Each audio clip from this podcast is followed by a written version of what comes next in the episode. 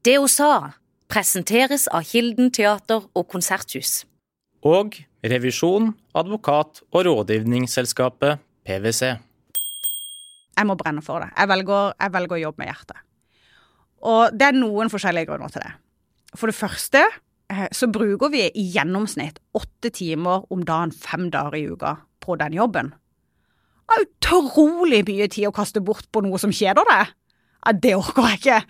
Jeg tenker livet er litt for kort til at en skal kjede seg åtte timer om dagen fem dager i uka.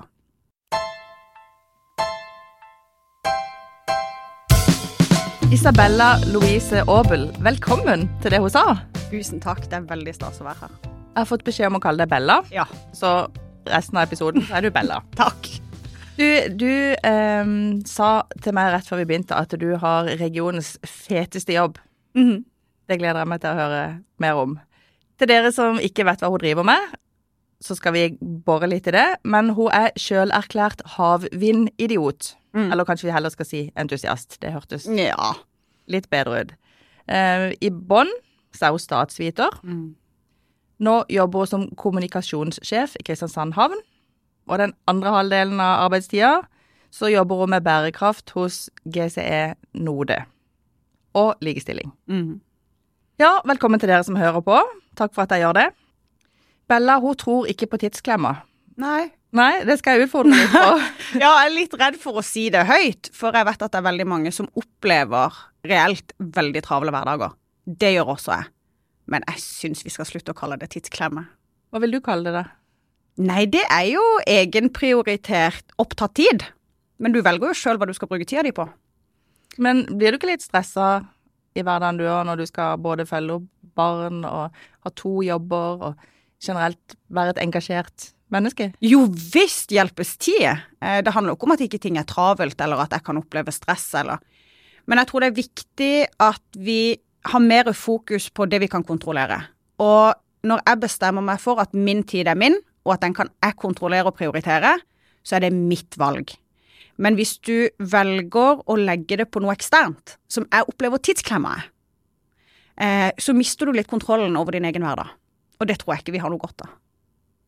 Men hvis du skal gi oss noen konkrete råd, vi som kjenner på det Jeg kjenner på tidsklemma rett som det. Ja. Hva kan jeg gjøre annerledes? Jeg tenker at det viktigste jeg har gjort da, for meg sjøl, er å hver eneste dag prioritere noe tid som er bare min. Og det kan være at jeg står og lager frokost alene og tar meg en litt ekstra god kaffekopp, eksempel en morgen. Jeg putter en podkast i øret.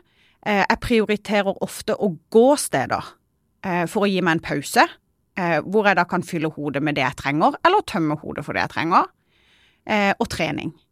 Og hvis du klarer å legge inn fem minutter hver dag hvor du tømmer hodet ditt, så opplever du mindre stress fordi at du får nullstilt bitte grann i løpet av dagen.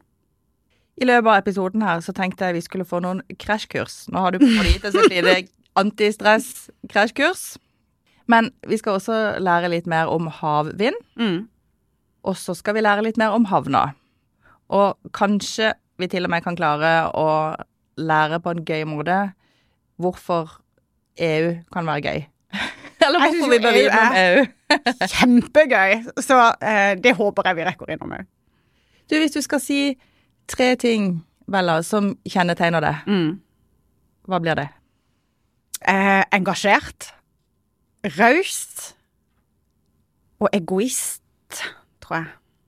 Ja, på hvilken måte er du egoist? Eh, jeg tør å prioritere meg sjøl og mine egne behov for å sørge for at jeg kan være en god versjon, en god mamma, eh, en god kjæreste og samboer og kone, eh, en god datter og en god venn.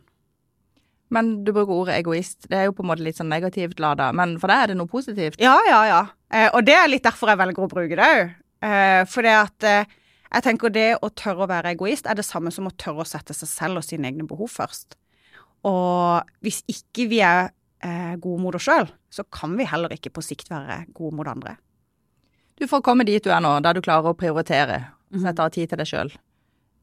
Hva, hva har du opplevd? Altså, har du opplevd hva som skjer hvis ikke du gjør det? Har du gått på en smell, som de kaller det, eller fortell? Jeg har gått rett i veggen, ja. Som, eller ja, den berømmelige veggen, eller smellen, eller på trynet, eller eh, hva man skal kalle det. Jeg tenker jo at vi kan si det som det. Jeg har vært utbrent. For det er jo det som på en måte er den medisinske termen for det, tror jeg. Eh, og det var under korona. Hva skjedde? Eh, vi hadde hjemmekontorbarnehage.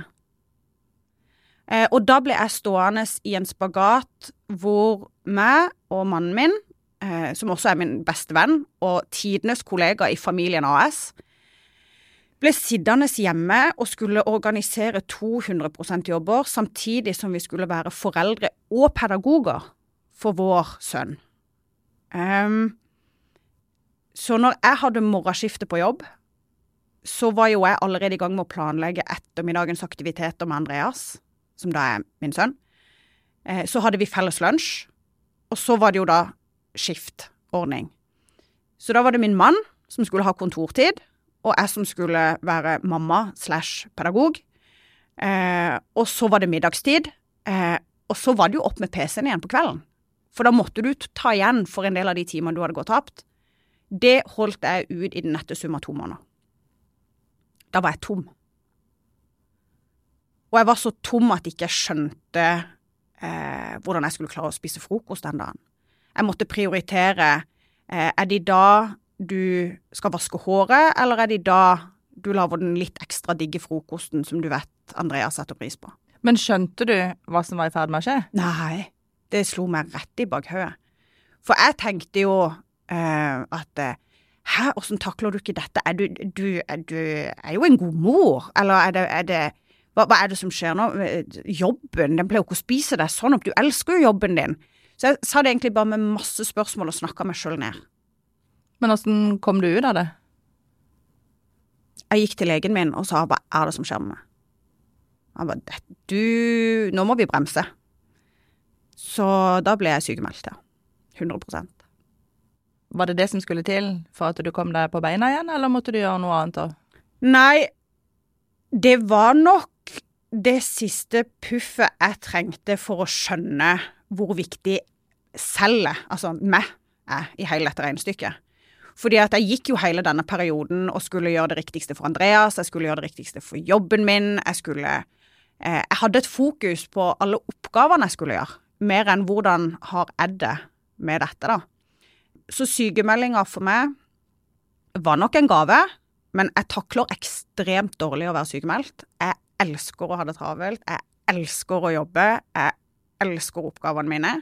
Så jeg måtte lage meg nye. Så jeg lagde meg egne treningsregimer, lagde meg matregimer, og kanskje ikke regime er riktig ord, men rutine. som gjorde at jeg hele tida hadde ting jeg kunne drive med som, som ga meg noe. Vi har hatt mange utrolig bra gjester i det hun sa. Mange sterke damer. Mm. Så jeg syns egentlig det er litt interessant å reflektere over at flere av de har snakka om at de har møtt veggen en eller annen gang i løpet av sin karriere. Tror du det er noe som um, man er ekstra utsatt for når man er skikkelig Altså når man er et menneske som brenner mye, altså som er veldig engasjert? Jeg vet ikke om det er faren for å gå tom. Det er klart, vi som er engasjerte, vi um, legger jo huet litt sånn Stikker oss litt ut, kanskje, og gjør oss mer tilgjengelig for hogg, eller Og det krever jo en del energi når andre hele tida eh, er nysgjerrig på det du holder på med, eller det krever energi å eh, opprettholde et engasjement, eh, spesielt i settinger hvor man kanskje ikke møter det samme engasjementet tilbake. Knytta til havvind så har jo jeg brukt veldig lang tid på å få industrien med meg. Det tar energi. Så ja, det kanskje er rett og slett en fare for å gå litt lettere tom når man, når man brenner mye. Er engasjert.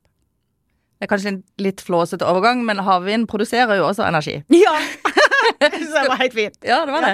Så vi kan jo egentlig Havvind gir meg energi. Ja, det gir energi. Både Ja. til deg og til, til verden. Og verden trenger energi. Veldig. Så for å si det litt enkelt, da. Mm. Det er du som skal gjøre det. Hva, hva er greia med havvind? Det er en av de feteste industrieventyrene denne regionen kan få lov å være med på på nytt. Eh, vi kommer mest sannsynlig til å være i Europa og i Norge i et ekstremt energiunderskudd allerede i 2027.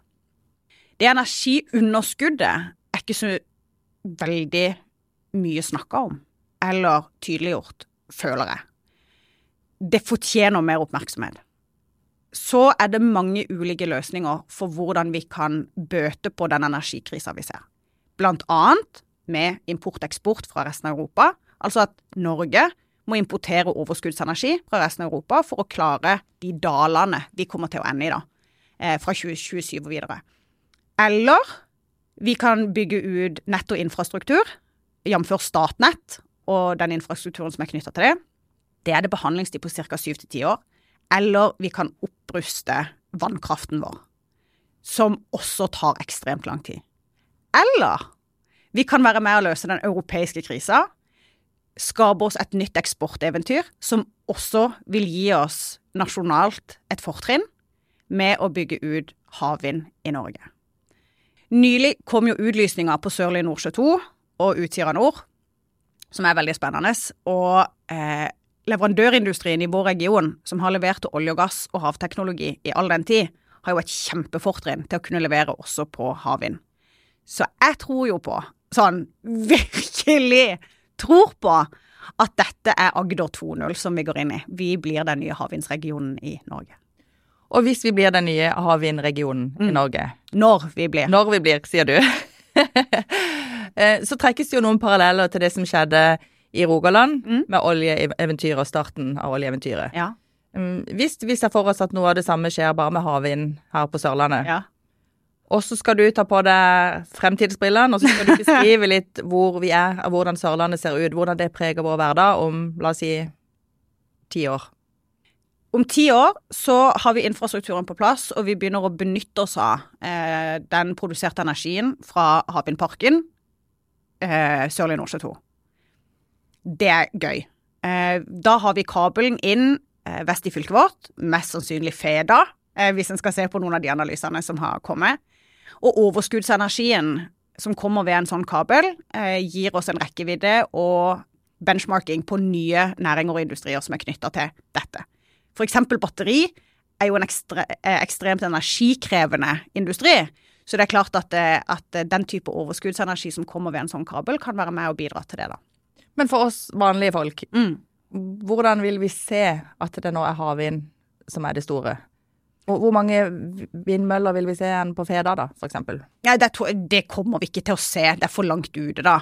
Kanskje hvis vi står helt på tuppen et eller annet sted med en kikkert på, men dette det selv om vi sier at det er nært land, så er det mest i forbindelse med de skipene service og maintenance, eller um, service og vedlikehold på norsk, som skal ut, og at det er veldig sånn rette linjer eh, i transportkorridorene våre eh, ut til Sørlige Nordsjø 2. Det er ikke noe som kommer til å prege øyesynet vårt i veldig stor grad, men de lærde strides, da. Vi kommer til å se det på danskebåten når vi er på vei over. Eh, der ser vi jo møller allerede.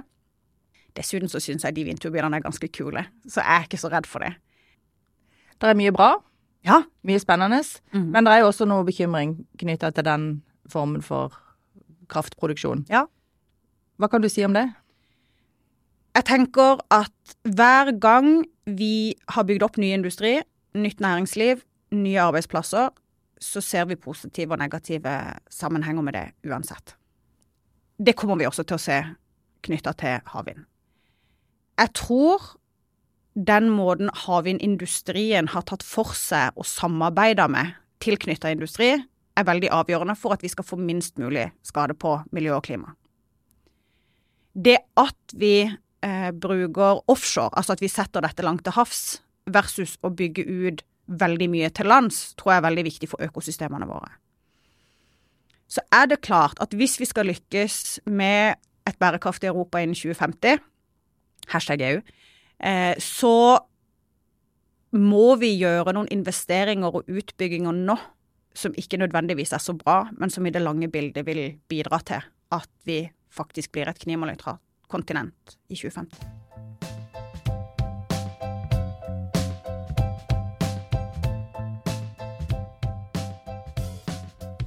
Bella, du har to jobber. Mm. Det ene er i havna, Mm. og det andre er i GCE-node, som vi snakka om, Ja. havvind og likestilling. Eh, Men, men i hverdagen din, hvordan klarer du å gå på to jobber? Eh, der øver jeg meg fortsatt, for jeg har bare gjort det i seks uker. Men jeg har lagt opp sånn at jeg har to faste dager i uka på hvert kontor sånn at man opplever en tilstedeværelse. Og så bruker jeg onsdagene på hjemmekontor, eh, hvor jeg da har en sånn 50-50. Det er rett og slett for å få tid til å lese mail og svare ut mail og holde meg oppdatert på litt sånn admin. For når du er fysisk til stede på kontoret, så går det mye telefoner og mye adhoc-møter og mye prat og kaffepauser og sånn. Som er med å skape de gode ideene, da. Så det ville jeg jo aldri vært foruten. Jeg så at du la ut et bilde på Facebook Mm. der du hadde én PC og eh, en mobiltelefon, Mm. hva det var, som på en måte tilhørte den ene jobben, og så hadde du en PC som tilhørte den andre jobben. Mm. Eh, Sliter du litt med å switche mellom, eller har du, liksom, går det helt greit? Jeg går fra den feteste jobben i regionen i GC Node, syns jeg sjøl, til det jeg tror er den feteste jobben i regionen som kommunikasjonssjef i havna. Det er ganske mye likt med det jeg holder på med. For begge fagfelt handler om havet, næringsutvikling i havet, eh, fokus på infrastruktur og utnytte de ressurser vi har. Så jeg syns egentlig ikke det er så vanskelig. Det jeg syns er vanskelig, er at jeg bare er 50% på hver jobb. Og det er vrient fordi jeg syns det er litt lite. Jeg har lyst til, å, lyst til å bruke veldig mye mer tid på det. Men jeg må passe på at ikke det spiser meg opp, da. Men da kan vi snakke litt om havna. Eh, havna er jo et spennende sted. Og hvorfor er det det? Eh, Da har jeg lyst til å stille et spørsmål tilbake, egentlig, men det blir jo litt urettferdig. Men um, jeg har jo vært fan av havna lenge. Eh, og havna er en veldig viktig brikke i havvindeventyret, som jeg kaller det. Det er jo fordi at det er en veldig avgjørende infrastruktur for å kunne lykkes med å gjøre noe som helst til havs. For uten havn så kommer du deg ikke ut til havs. Enten det er ei småbåthavn eller ei storbåthavn så tror jeg veldig mange, hvis vi hadde gått ut på torvet her da, eh, og spurt folk Hvis jeg sier havna, hva tenker du på da?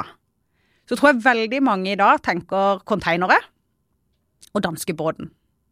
Det er en bitte liten del av det havna er. Det er klart, ferge i stort perspektiv er veldig viktig for havna. Eh, Vi har jo både Fjord Line og Color Line og Norway Holland Lines som på en måte har tilknytning til havna, og det er klart både godset som går om bord på de eh, ferjene, og også da turistene, altså den paksen, altså personer vi flytter over sjøen, kjempeviktig. Eh, container er viktig fordi at det er jo varer som du og meg bestiller. Eh, det er jo våre varer og tjenester som kommer sjøveien for at vi skal kunne ha mat i butikkene, eh, skolesekk til ungene, eh, blyanter og farvestifter og Alt det kommer jo sjøveien. Eh, alt vi bestiller på nett, det blir jo sendt i konteinere via sjøen, og det er jo det vi sørger for at har en mellomstasjon før det kommer i postkassa di, da.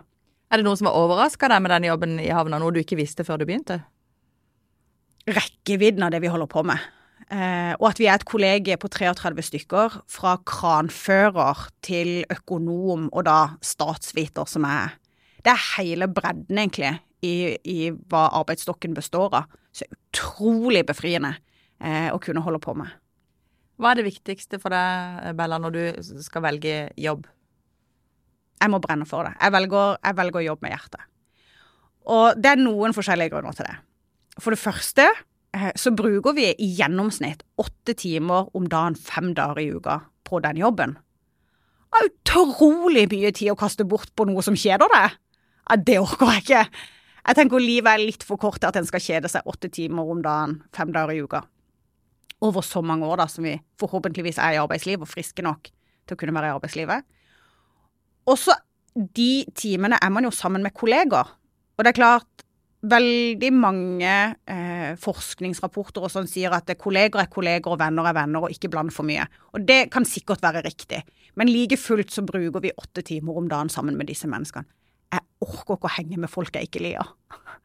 Så jeg kjente, når jeg, brukte, når jeg var inne på jobbintervju til Havna nå, eh, så sa jeg til, til Atle, da, som er havnedirektøren jeg er her litt for å kjenne på kjemi, altså, for jeg orker ikke å henge ut med folk jeg ikke trives med åtte timer om dagen i fem dager i uka. Så det må Jeg velger med hjertet, ja.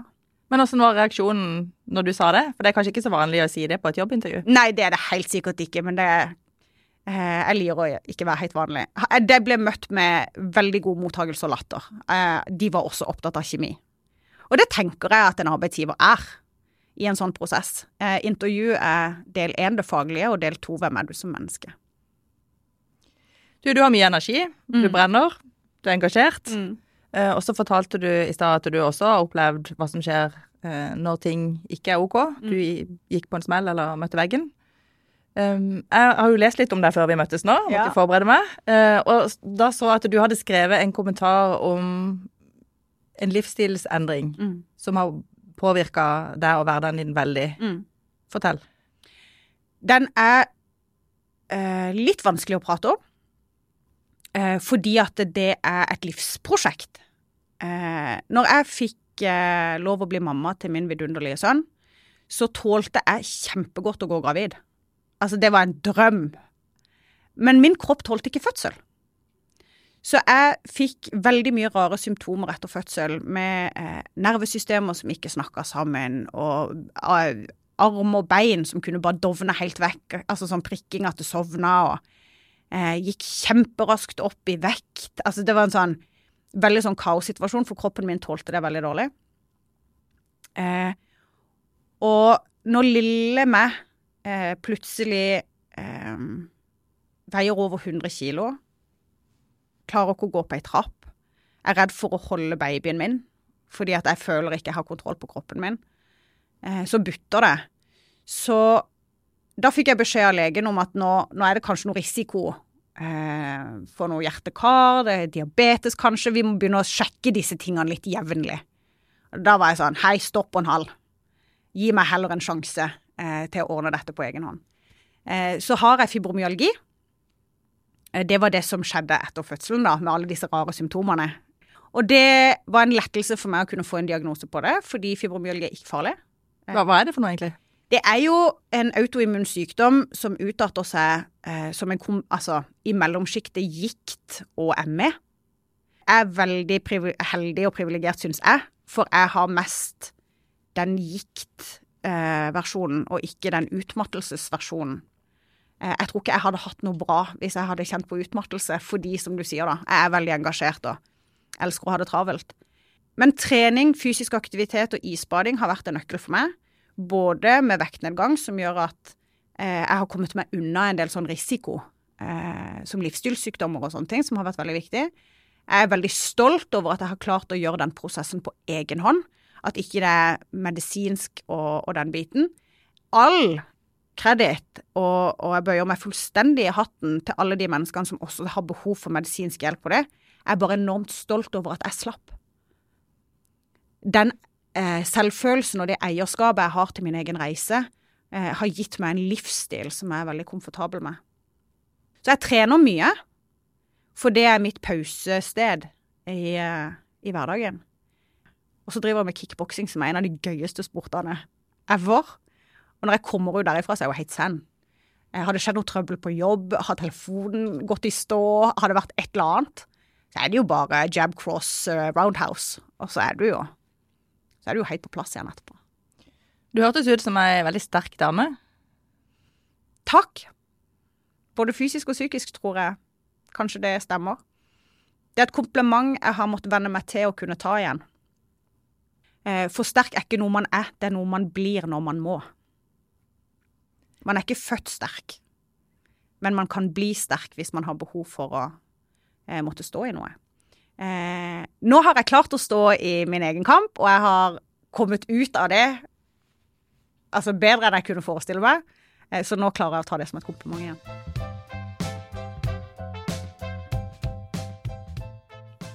Hvis vi drar med oss denne gode energien inn i, i neste tema, som sikkert for noen kan være litt sånn åh, Og da sier jeg EU. Yay! Det er jo ikke akkurat noe som får de fleste til å si det som du gjorde nå. Men, men hva er greia med EU? Altså, vi kan jo ta det helt tilbake igjen til eh, hva det begynte som. EU er jo en fredspakt mellom europeiske land i Europa som lover hverandre at vi ikke skal gå til krig mot hverandre. Det er jo Kul- og stålunionen.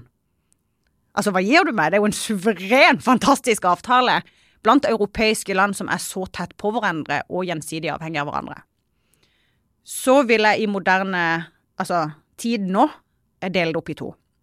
Det er A, denne, eh, dette politiske rammeverket, denne fredsavtalen, som styres av politikere og utsendte fra eh, medlemslandene i EU.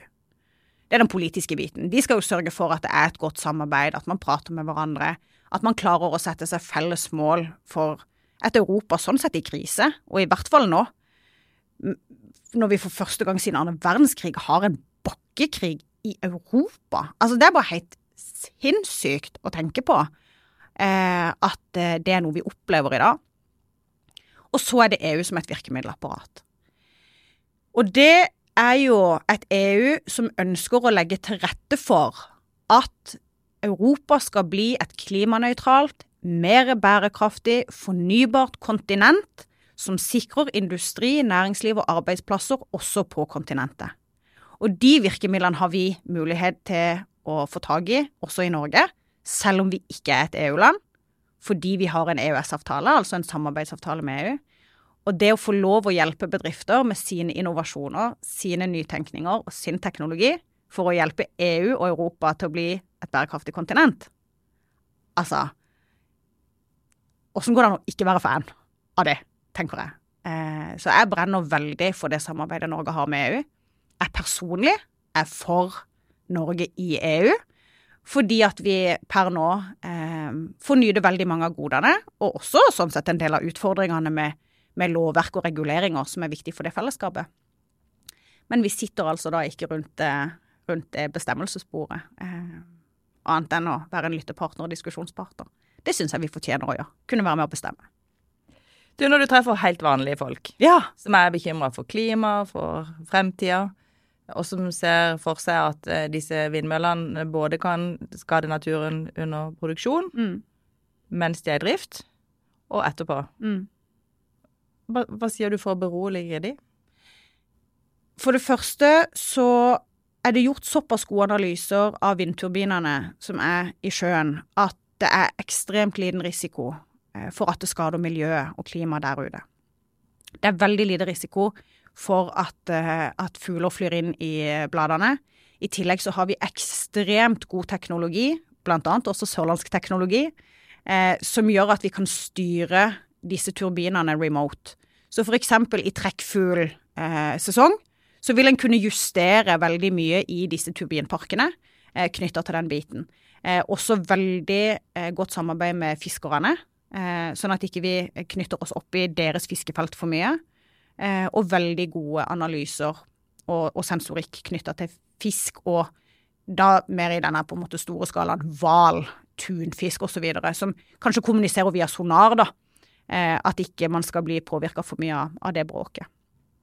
Og så har jo jeg en veldig hårete drøm, og det er jo at når den første vindturbinen er ferdig sammenstilt fra Agder og blir skippa ut til Sørlige Nordsjø 2, så har vi merka den på en sånn måte at når vi må hente den inn igjen for å gjøre noe vedlikehold eller service eller et eller annet på den, eh, og kanskje det er noen deler som skal byttes, så går de delene inn i eh, et sirkulær eh, en sirkulær verdikjede, og at de materialene blir resirkulert til nye deler til vindmøller, vindturbiner, så det går ut igjen i Sørlige Nordsjø 2, så vi ser et nullsumspill i det. Du, når du skal lære deg nye temaer, Mm. det være seg da innen ja, EU eller havvind eller havn, er du da den typen Litt sånn som Mette Gundersen beskrev når hun var gjest. Hun sa at hun satt stille i et år på en måte for å lære mest mulig, for hun ville kunne alt før hun tok ordet. Er du den typen? Eller er du mer den som hiver deg ut i det og lærer underveis? Definitivt den siste. Åssen går det, da? Jeg opplever jo at det går bra, for jeg tør å gjøre det med eh, et åpent sinn om det er lov å fortelle meg når jeg tar feil. Jeg tror jeg er en sånn type som lærer best med å gjøre. Jeg er også veldig god på å lese. Jeg er jo statsviter, så jeg er jo eh, opplært i det å lære. Så jeg tør jo å påstå at jeg er sinnssykt god på å lære. Eh, men jeg liker best å gjøre. Så nå når jeg har begynt i havna og bare er der som kommunikasjonssjef 50% så nytter det jo ikke at jeg skal sitte stille i et år før jeg begynner å gjøre noe. Da skjer det jo ikke en dritt. Og sånn kan ikke jeg ha det. Men jeg har eh, funnet mm, en god tone med mine nye kolleger. Og sagt at eh, her kommer jeg bare til å stille masse spørsmål og være nysgjerrig. Eh, og så kan jeg litt om havna fra før av, fordi jeg har engasjert meg i det. Samme som jeg kunne en del om havteknologi og leverandørindustri før jeg begynte i Node, fordi jeg har engasjert meg i det. Så Du jobber jo med kommunikasjon. Mm. Da er du sikkert opptatt av ord og ords betydning. Så hvilket ord og uttrykk ville du gjerne ha kvitta deg med, hvis du kunne? greit. Det er så traust og kjedelig, det ordet. Kan vi ikke snart begynne å, å, si ting som de egentlig er? At ting er bra eller gøy eller fint eller dritt eller kjedelig eller Jeg syns det er sånn det, det, er så greit. Det kjeder meg. Eh, jeg syns ikke vi sørlendinger trenger å kjede oss lenger. Eh, det er så utrolig gøy å være sørlending og jeg. Så det er det ene som jeg godt kunne tenke meg å bli kvitt. Og så kunne jeg godt tenke meg å bli kvitt eh, tabuene rundt, eh, rundt psykisk helse. Det må være lov å si at man er sliten, det må være lov å si at man har gått på veggen uten at eh, det skal følge deg som en risiko seinere. Det er lov å ikke ha det så bra, for en kan få det bedre. Og første steg i å få det bedre er å innrømme når man ikke har det bra. Eh, hvem vil du fremsnakke? Hvem inspirerer deg? Det er et veldig gøy spørsmål. Og så er det utrolig mange sinnssykt bra damer på Sørlandet som er inspirerende. Og mange av de har vært her i podkasten. Eh, men det er et par damer som eh, jeg syns er veldig kule. Eh, det er Vibeke Holmrud, eh, daglig leder i Akvarama. For hun er jo egentlig lektor med opprykk eller et eller annet sånn. Hun har jo gått lærerskolen, men har valgt å gå sin egen vei. Og det inspirerer meg Sikkert litt fordi det minner meg om meg sjøl, som statsviter som har ramla inn i ingeniørfaglig teknologiverden. Og jeg elsker det. Og det å tørre å tenke annerledes, det å tørre å velge med hjertet og kjenne etter hva du vil drive med, det inspirerer meg. Og så har jeg lyst til å trekke fram Anna Gunningberg, som er trainee sør. Og jeg sier er trainee sør for større, rausere hjerte og tilstedeværelse for alle unge nye i denne regionen. Det skal du lete lenge etter.